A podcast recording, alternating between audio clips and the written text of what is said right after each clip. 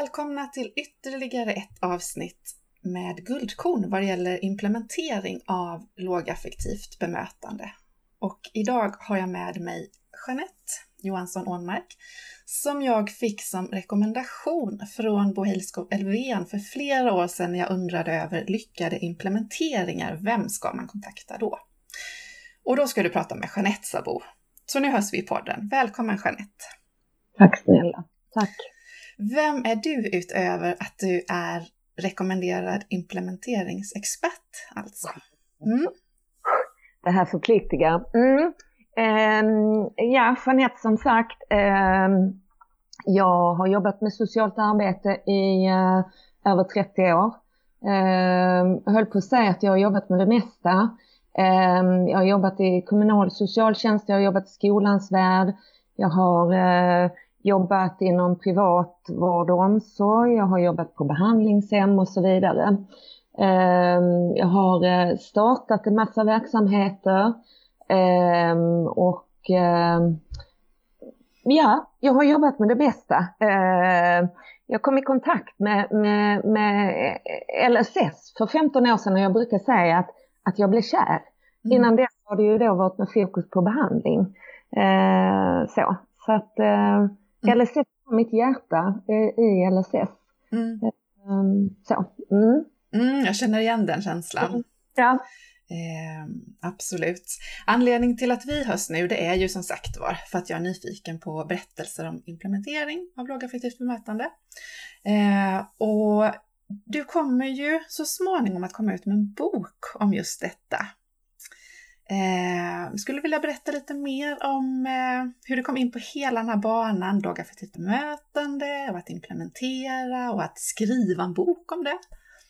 Ja, det har jag funderat mycket på. Vad har jag gett mig in på? Mm.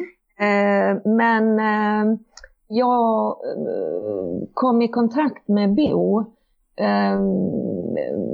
2009, eh, första dagen på ett nytt jobb. Det var precis när jag hade börjat jobba inom LSS. Bo hade gett ut en bok och det var innan han var Bo med hela svenska folket och hette Jörgensen i efternamn. Eh, så att det, det, det känns som evigheter sen. Mm.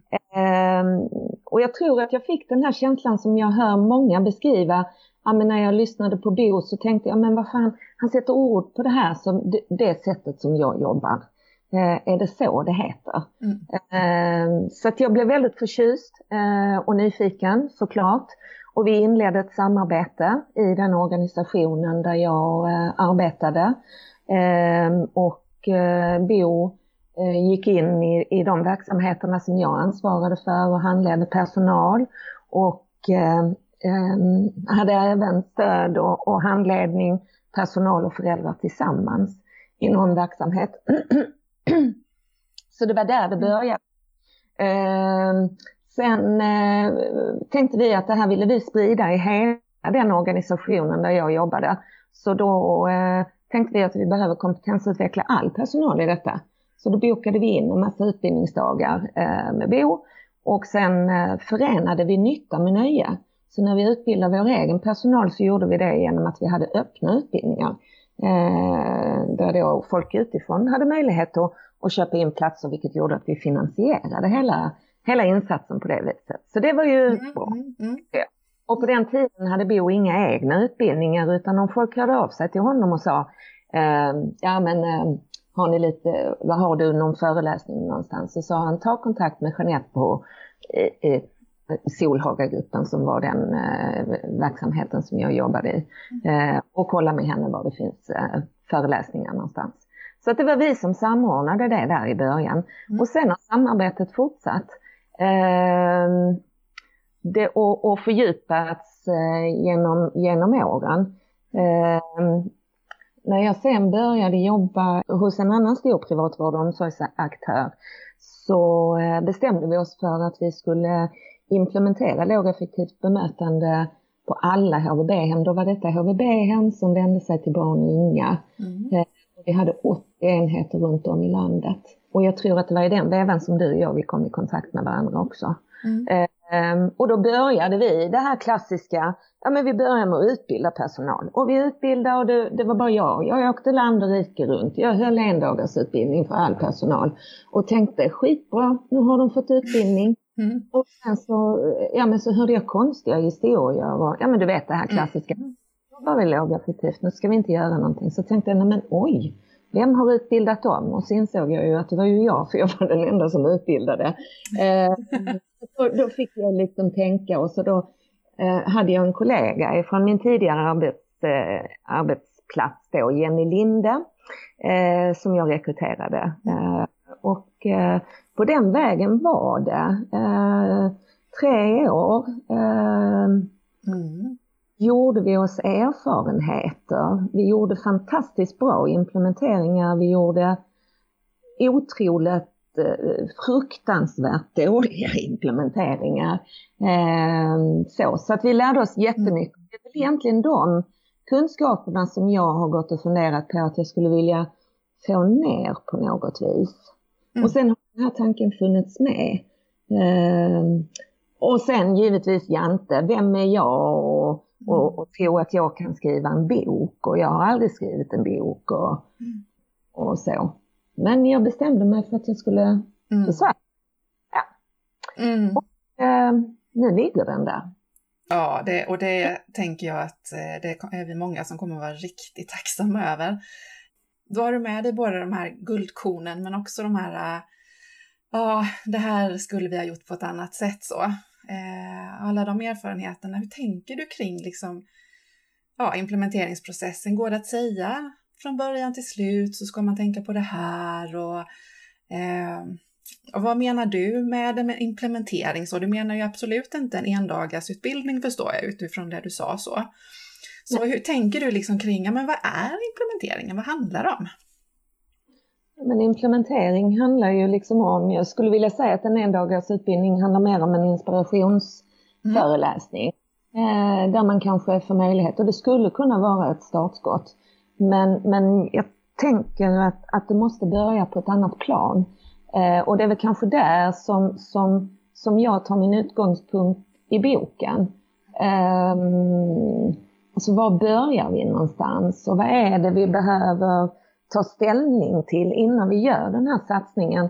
Bland annat så har jag kommit fram till att vi behöver göra en bedömning om enheten är redo eh, för den här satsningen. Mm. Eh, och då finns det olika parametrar som man, man, behöver titta på. Finns det motstånd i arbetsgruppen? Hur ser det ut med chefen? Är det stor personalomsättning? Är, är, är chefen bärare utav det här? Och så vidare och så vidare. Vad finns det för kultur på stället och så vidare. Mm. Och det här handlar ju inte om att nej, vi kommer fram till att nej, den här enheten är inte redo och så lämnar vi dem. Utan det här ska då mynna ut till att vi gör en form av åtgärdsplan. Mm. Vad är det som behöver eh, uppfyllas för att vi ska kunna gå vidare i implementeringsprocessen? Eh, och sen gör vi upp en plan för hur ska det här gå till?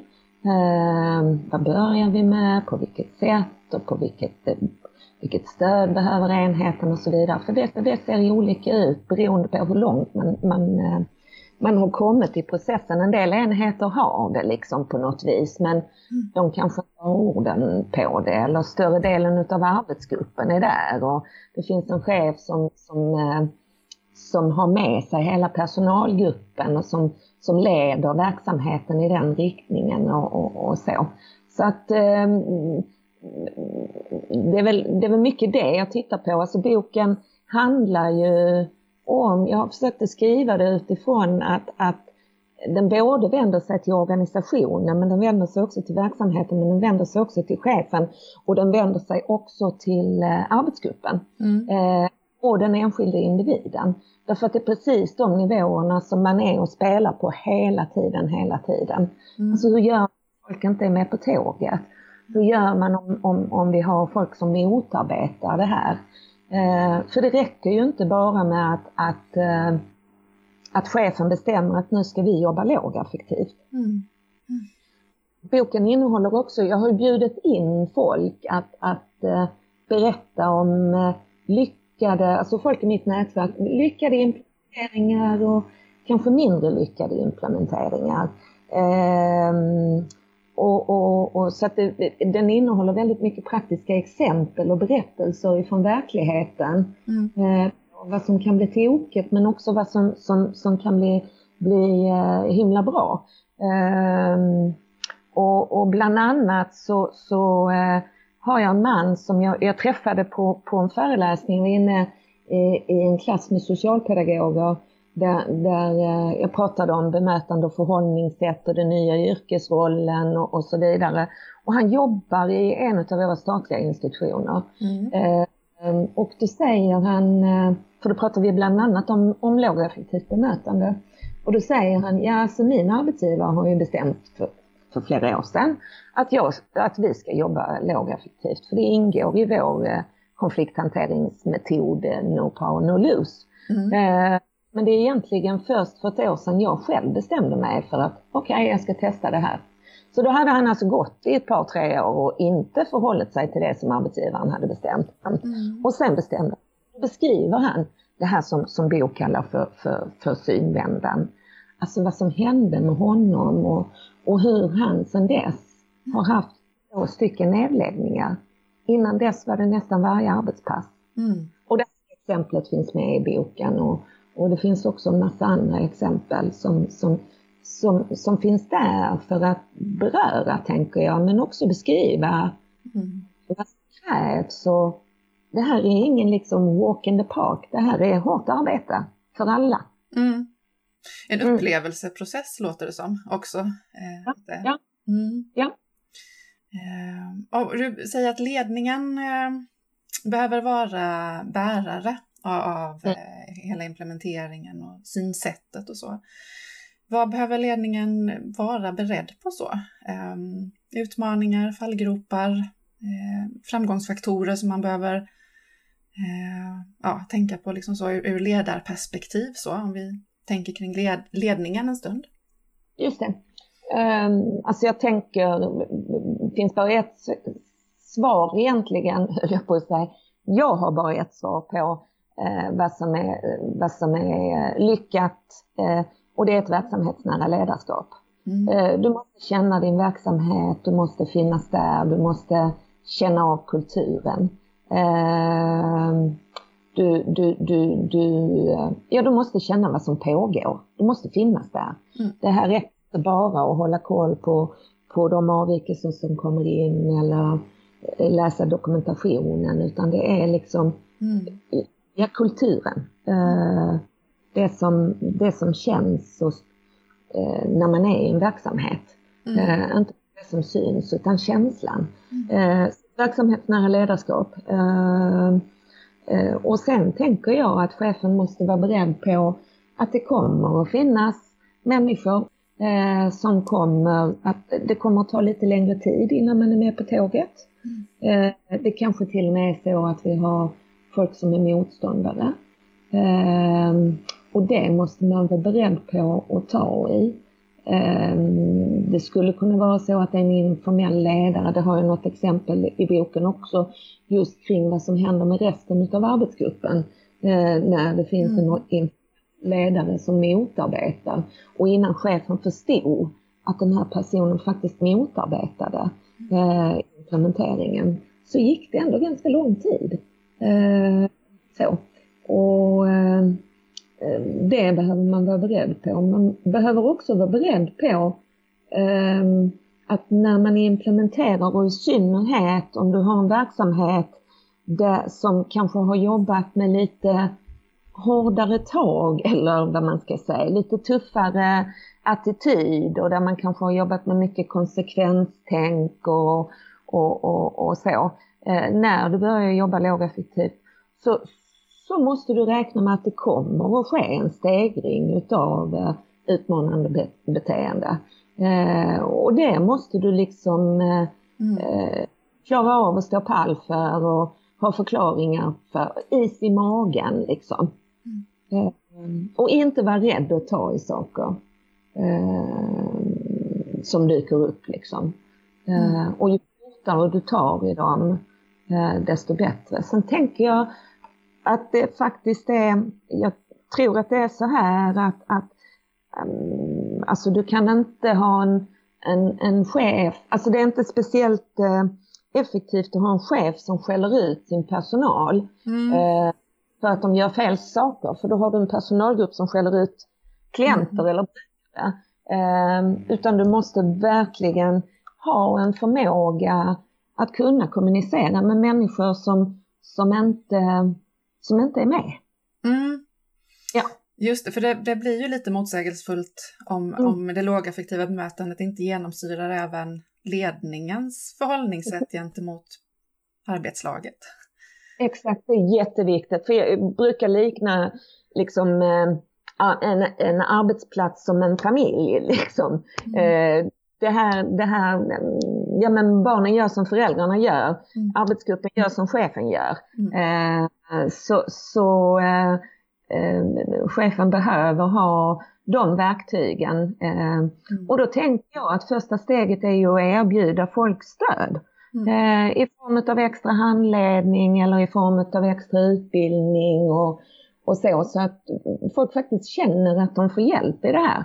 Mm. Eh, så att de inte bara får reprimander. Sen givetvis så kanske man landar i det i alla fall, men då har man i alla fall försökt det andra.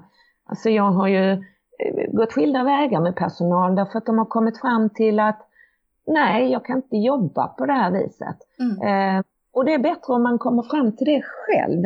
Eh, för det blir bättre för arbetsgruppen som är kvar, men det blir också bättre för, för, för personen som då kan gå vidare till någonting annat. Eh, så. Ehm, Just det, så mm. det blir ju, alltså någonstans så är det ju det där att hjälpa var och en till en slags eh, insikt. Ja, Mm. Och jag tänker att vi, vi, säger ju inom det lågaffektiva att människor gör så gott de kan. Ja. Och det gäller ju personalen också. Absolut. personalen är ju också människor. Ja. Och det får vi inte glömma. Eh, sen måste vi kunna ställa större krav på dem utifrån att de faktiskt har betalt i relation, mm. alltså hela den biten. Mm. Men, men vi behöver erbjuda dem det, det stödet de behöver för att de faktiskt ska kunna utföra sitt arbete. Mm. Eh, det viset som vi vill att de ska utföra det. Mm. För jag kan tänka mig att motstånd kan bero på så fruktansvärt mycket olika mm. saker. Och, och kommer man fram till att det bara handlade om, eller bara och bara handlade om att ja, men jag hade inte kunskap eller jag visste inte eller jag hade missförstått, då är det ju lite lättare att åtgärda mm. så. Så är det. Jag upplever ju att mycket av motståndet, alltså när det är massivt motstånd, så handlar det kanske också väldigt mycket om att man inte är beredd på att göra upp med sig själv för att det, det gör ont när man inser att det jag har gjort kanske till och med har skadat människor. Mm. Och det behöver vi ha respekt för, såklart, så att människor får möjlighet att faktiskt landa i det här. Ehm, det, det, ser vi eh, eh, både när vi, alltså jag tänker att jag ser både det när jag utbildar i lågeffektivt bemötande och när vi, när vi har eh, implementeringar och så. Men jag utbildar ju också i Studio 3. Eh, och eh, där ser vi det tydligare under dag 3 liksom när folk gör synvändan och kanske blir jätteledsna mm. när de inser vad har jag hållit på med? Och det här gör ju inte människor för att de är elaka. Nej. Utan det gör ju människor utifrån de verktygen som de har. Eh, och det måste man få möjlighet att, att ta sig igenom för att, eh, för att det ska bli bra. Liksom. Mm. Mm. Och Studio 3, om du berättar lite grann om eh, vad är det för någonting? Just det. Mm. Studio 3 är en, en metod som bygger på lågaffektivt bemötande. Den kommer från England. I England så pratar man om low arousal i Sverige så pratar man om lågaffektivt bemötande för sig och sen så pratar man om, om, om, om studie 3 för sig. Men i England är det egentligen samma sak. Mm. Eh, eh, så studie 3 bygger på lågaffektivt bemötande och eh, det är en tre dagars utbildning här i Sverige. Eh, och eh, där vi då eh, Eh, utbildar i grunderna i lågaffektivt bemötande men där personal får tillgång till verktyg hur vi hanterar våldsamma situationer. Eh, kanske situationer som där vi, där vi kanske skulle, om vi inte har rätt verktyg, hamnar i nedläggningar eller fasthållningar, alltså nödsituationer där det är fara för människors liv. Eh, hur vi ska tänka förebyggande för att inte hamna i dem. Och det händer på varenda utbildning. Det är så häftigt att se. Eh, första dagen när folk kommer så, åh, vi ser fram emot de fysiska teknikerna. Och första dagen är bara teori. Mm. Eh, halva andra dagen är också bara teori. Och sen börjar de fysiska teknikerna. Och under dag tre så känner folk, men vad fan, vi ska ju inte ens hamna här. Mm. Eh, det är spännande. Eh, och det är det som kommer fram i utvärderingarna också. Ja men det är jättebra att ha det här men, men, men det är ju det andra. Det är det andra vi ska göra liksom. Hur kan vi undvika? Håll avstånd. Eh, och så vidare och så vidare och så vidare. Mm. Eh, det är spännande.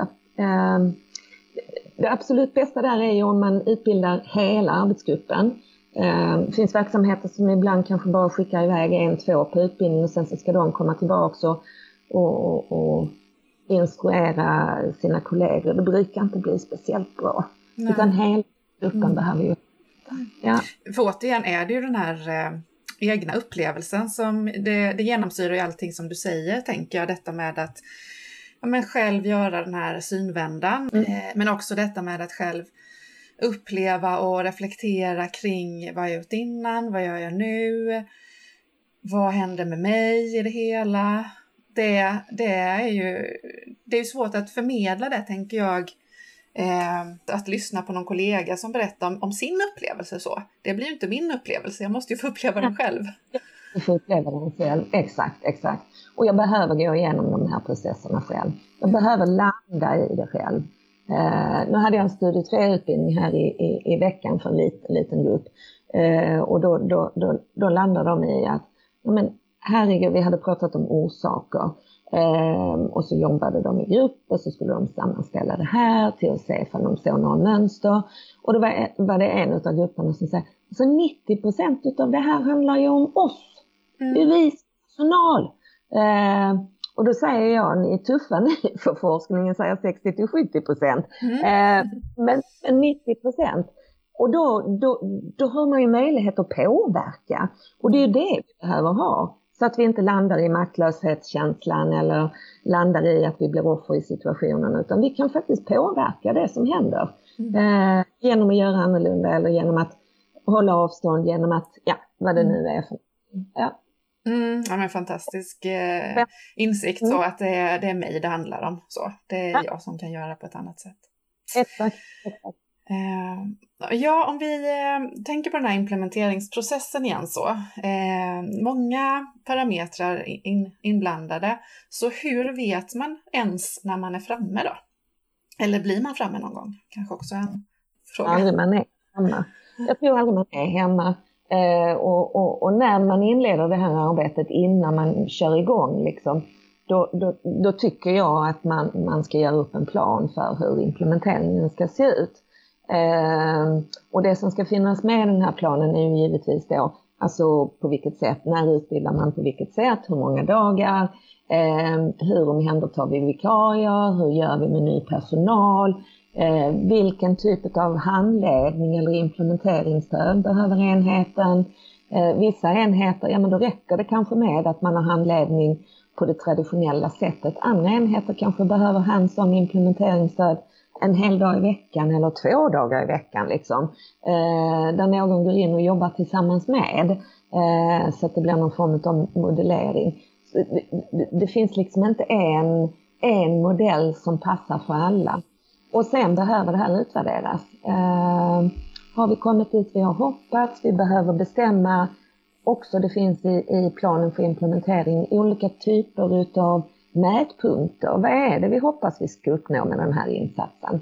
Eh, och vad är det vi ska mäta? Eh, och då finns det vissa saker som jag tänker är mm. bra. Liksom. Att man går in och tittar på avvikelser till exempel och att man också givetvis eh, eh, undersöker på, på brukar eller klientnivå. Och, eh, jag tycker att det är viktigt att undersöka och det landade vi mer och mer i när vi höll på med vår implementeringsresa.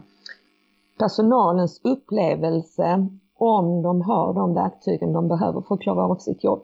Mm. Och den mätningen ska man då göra innan man, man, man eh, drar igång insatsen och sen så gör man den här regelbundet för att följa upp. Liksom. Mm. Eh, så. Så det här tar tid och jag tror aldrig man är hemma. Varje nyrekrytering, mm.